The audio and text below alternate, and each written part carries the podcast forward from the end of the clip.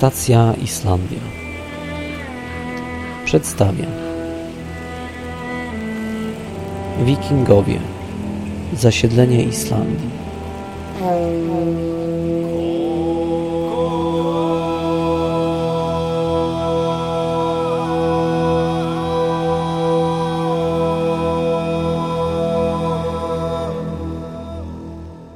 Witam serdecznie wszystkich słuchaczy w kolejnym odcinku podcastu Radia Stacja Islandia. Przed mikrofonem Marcin Kozicki. Kochani, zapraszam Was na drugą część podcastu o Wikingach. Dla przypomnienia, w pierwszym odcinku naszej audycji zatytułowanym Wikingowie Furia Ludzi Północy opowiadałem Wam ogólnie o Wikingach, o ich historii, zwyczajach, podbojach czyli tak ogólnie o świecie wikińskim.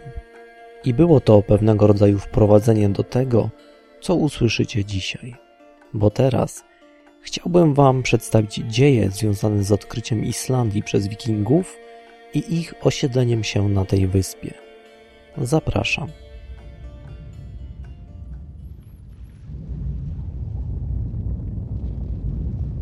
Podczas gdy jedni wikingowie nękali wybrzeża północnej Europy kontynentalnej, inni wzięli udział w niezwykłej ekspansji Atlantyku. Można to rozpatrywać w kontekście ogólnej ekspansji wikingów, związanej z przeludnieniem Skandynawii i brakiem ziemi pod uprawę.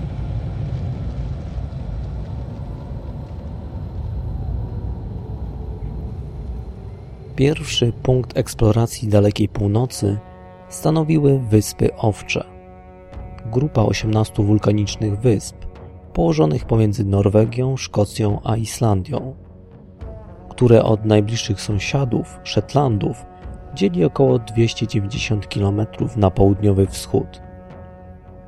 Wikingowie nawiedzili te piękne i dzikie tereny najprawdopodobniej około 825 roku.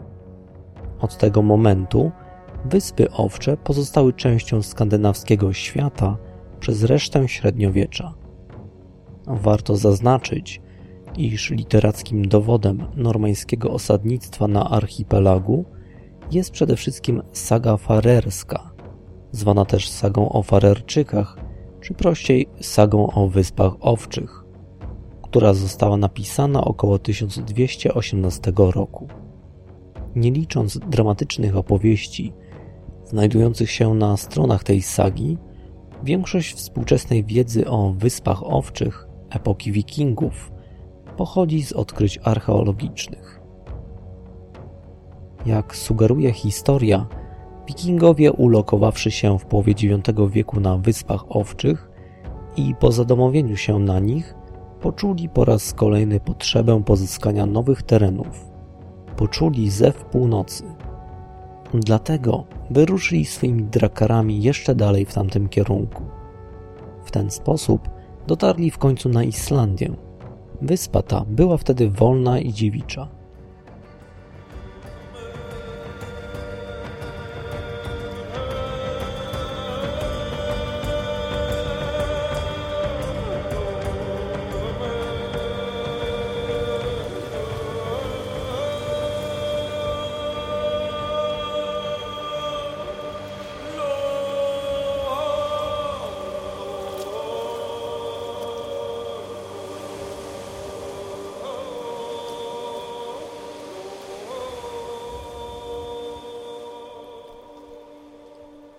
Wprawdzie pojawiają się sygnały, iż istnieje pewne prawdopodobieństwo, że pierwszymi mieszkańcami Islandii byli mnisi pochodzący z Irlandii.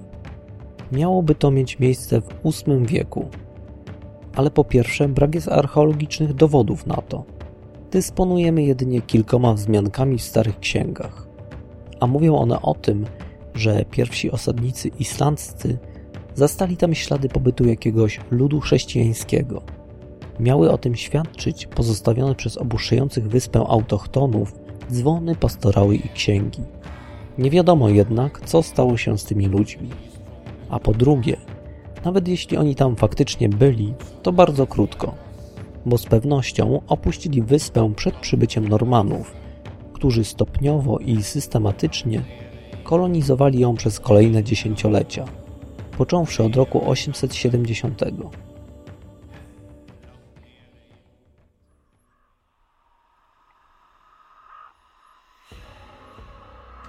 Islandia jest zatem ostatnim zasiedlonym krajem europejskim. Być może też przez to jednym z zasiedlonych przez wikingów lądów, o którego kolonizacji wiemy najwięcej. O zasiedleniu tej wyspy przez ludzi północy mówią przede wszystkim dwa źródła historyczne.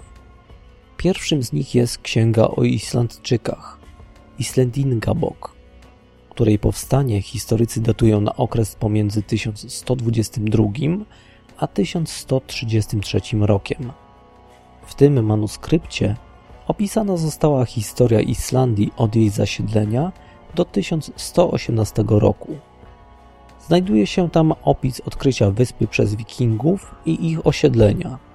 Jest też mowa o odejściu rzekomo mieszkających tam irlandzkich mnichów, których niby odstraszyć miała myśl mieszkania w sąsiedztwie pogan. Księga opisuje również powstanie prawa, systemu sądownictwa, ustroju, ustalenie kalendarza, odkrycia Grenlandii i przyjęcie chrześcijaństwa przez Islandczyków. Natomiast dużo więcej istotnych informacji i opisów na temat zasiedlenia Islandii można odnaleźć w księdze osadnictwa, zwanej też Księgą o zasiedleniu, Landnamabok, napisaną w 1120 roku. Jest to pergaminowa księga, która w tej chwili znajduje się w Muzeum Arnasafn w Reykjaviku. Ten dokument historyczny daje nam szczegółowy opis pierwszych islandzkich osadników, a także ich potomków.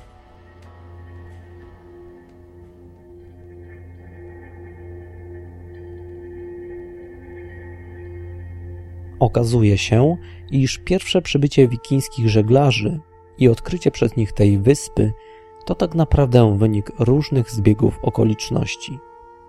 Zupełnie przypadkowe odkrycie wyspy przypisuje się norweskiemu wikingowi o imieniu Nadot, który płynąc na wyspy owcze zabłądził, a wiatry zepchnęły go właśnie tutaj. A z powodu dużej obfitości, znajdującego się wówczas tam śniegu, Nadot nazwał to miejsce Śnieżny Ląd. Początkowo wikingowie nawet nie wiedzieli o tym, że trafili na wyspę. Myśleli, że to po prostu jakiś wielki ląd. Dopiero kiedy później przybył tutaj Szwed Gardar Svavarsson, opłynąwszy śnieżny ląd dookoła, stwierdził, że jest on wyspą. Wtedy nadał jej nazwę Gardarsholm, czyli wyspa Gardara. Nie można też zapominać, że Gardar wraz z innymi wikingami spędzili wówczas na wyspie jedną zimę.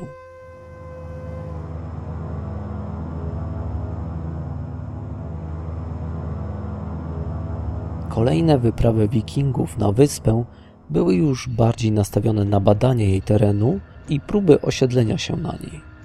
Ale zanim do tego doszło, warto wspomnieć o jeszcze jednej istotnej próbie odszukania wyspy i w ogóle pierwszej próbie osiedlenia się na niej. Podjął ją w roku 865 wiking o imieniu Floki Vilgerdarsson. Norweski farmer wypłynął ze swojej rodzimej Norwegii na zachód, na północny Atlantyk, kierunku niezamieszkałej wyspy, o której istnieniu mówiły wówczas różne morskie opowieści, przekazywane sobie z ust do ust.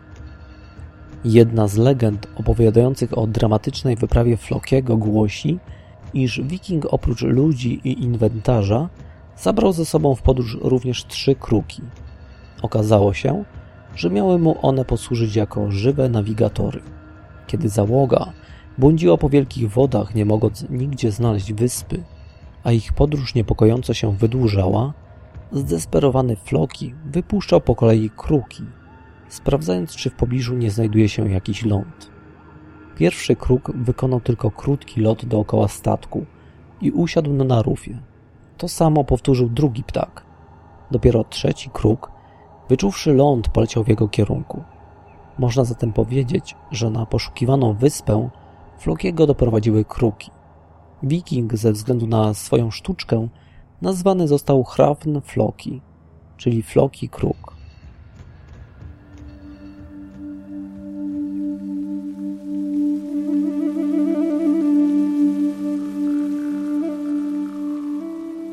Po przybyciu na wyspę załoga Flokiego postanowiła osiedlić się na wybrzeżu Bardastrond, znajdującym się w rejonie Vatnasfjordur, w południowej części fiordów zachodnich. Wówczas ten teren był pokryty lasami. Poniekąd do pozostania na wyspie zmusiła wikingów zbliżająca się zima. Dlatego postanowili oni przeczekać do następnego lata. Pierwszy długi pobyt wikingów na wyspie okazał się niewypałem i był tragiczny w swoich skutkach. Wikingowie, zajęci budową domostw i zdobywaniem dla siebie pożywienia, zaniedbali swoje zwierzęta, które ze sobą wcześniej zabrali, z uwagi na to, że nie przygotowali dla nich żadnej żywności na zimę. A że zima okazała się długa, sroga i śnieżna, wszystkie bydło zdechło z powodu głodu. Za utratę żywego inwentarza winą obarczano okrutną wyspę. Zniechęceni wikingowie osadnicy postanowili jak najszybciej wrócić do Norwegii. Legenda głosi, że przed opuszczeniem wyspy Floki wybrał się na swoją ostatnią dłuższą wędrówkę w pobliskie góry. Kiedy w końcu dotarł na ich szczyt, jego oczom ukazał się widok na fiord, wypełniony dryfującymi krami i bryłami lodu. To zdarzenie okazało się być istotnym w dziejach Islandii, gdyż właśnie wtedy powstała nazwa tego kraju. Jak możecie się domyśleć po tym krótkim opisie, Floki targany złością na tą wyspę i całą sytuację nazwał to w jego mniemaniu niegościnne i okrutne miejsce Islandia, Iceland, czyli kraina lodu, czy też lodowa kraina. Jak zwał, tak zwał, każdy jednak słysząc później nazwę Iceland, wiedział generalnie, co może go tutaj spotkać. Lód i nic poza tym. Pomimo wszystko, jednak dziś uważa się Flokiego za ojca chrzestnego Islandii.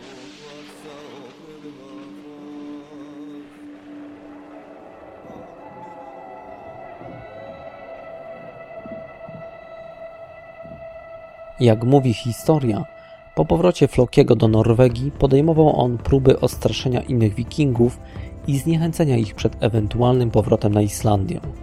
Na szczęście wśród jego załogi znalazły się i takie osoby, które jednak wyrażały się o tej wyspie na tyle ciekawie, że później znaleźli się śmiałkowie, wikińscy łowcy przygód, u których pojawiła się chęć spróbowania swojego szczęścia i osiedlenia się na Islandii. Z pewnością kusiły ich rozległe dziewicze tereny Islandii, które z uwagi na to, że były niezamieszkałe, były łatwe do pozyskania. Dlatego w kolejnych latach, mimo nieprzyjaznej nazwy Iceland, oraz działań Flokiego mających zniechęcić innych do tego miejsca, została podjęta kolejna próba osiedlenia się na wyspie. Tym razem wikińskiej załodze dowodził niejaki Ingolfor Arnason. Był to norweski wódz wikingów, który wybrał się na Islandię nie tylko ze swoimi podwładnymi, ale także ze swoją rodziną. Ingolfur wraz z załogą w roku 874 przybił do południowo-zachodniego krańca wyspy – półwyspu Reykjanes, w okolicach obecnego Reykjaviku, stolicy Islandii. Na miejscu wikingowie przekonali się, że Islandia to ląd daleki od wiecznej zmarzliny. Wyspa okazała się dla nich czarującym miejscem, wręcz rajem o łagodnym klimacie i niezwykłym magicznym krajobrazie. Ingolfur Arnason uznawany jest za pierwszego stałego nordyckiego osadnika na wyspie. Trzeba wiedzieć, iż to on założył na wyspie pierwsze gospodarstwo. Farma została zbudowana w miejscu, w którym obecnie znajduje się Reykjavik. Zresztą tak została ona wówczas nazwana.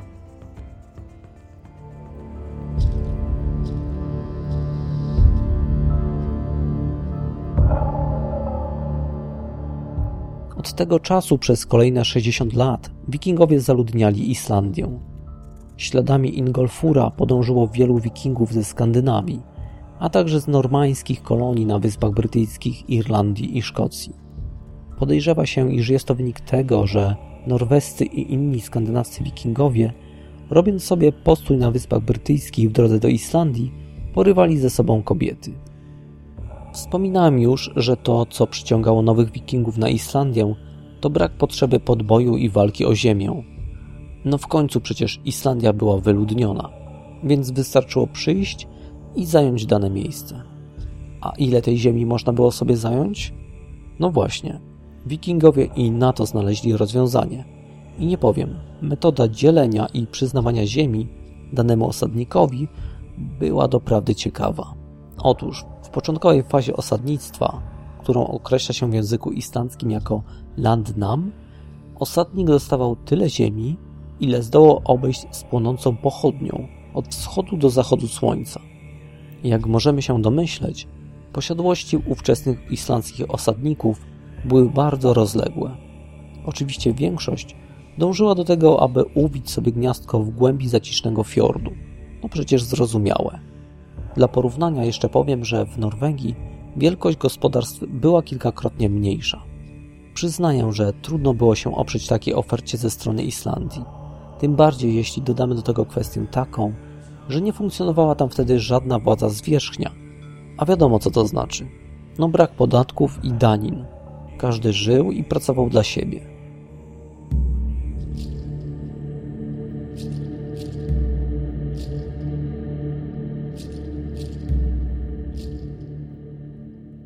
Przyjmuje się, iż około 930 roku Islandia została przez Wikingów już optymalnie zajęta i zaludniona.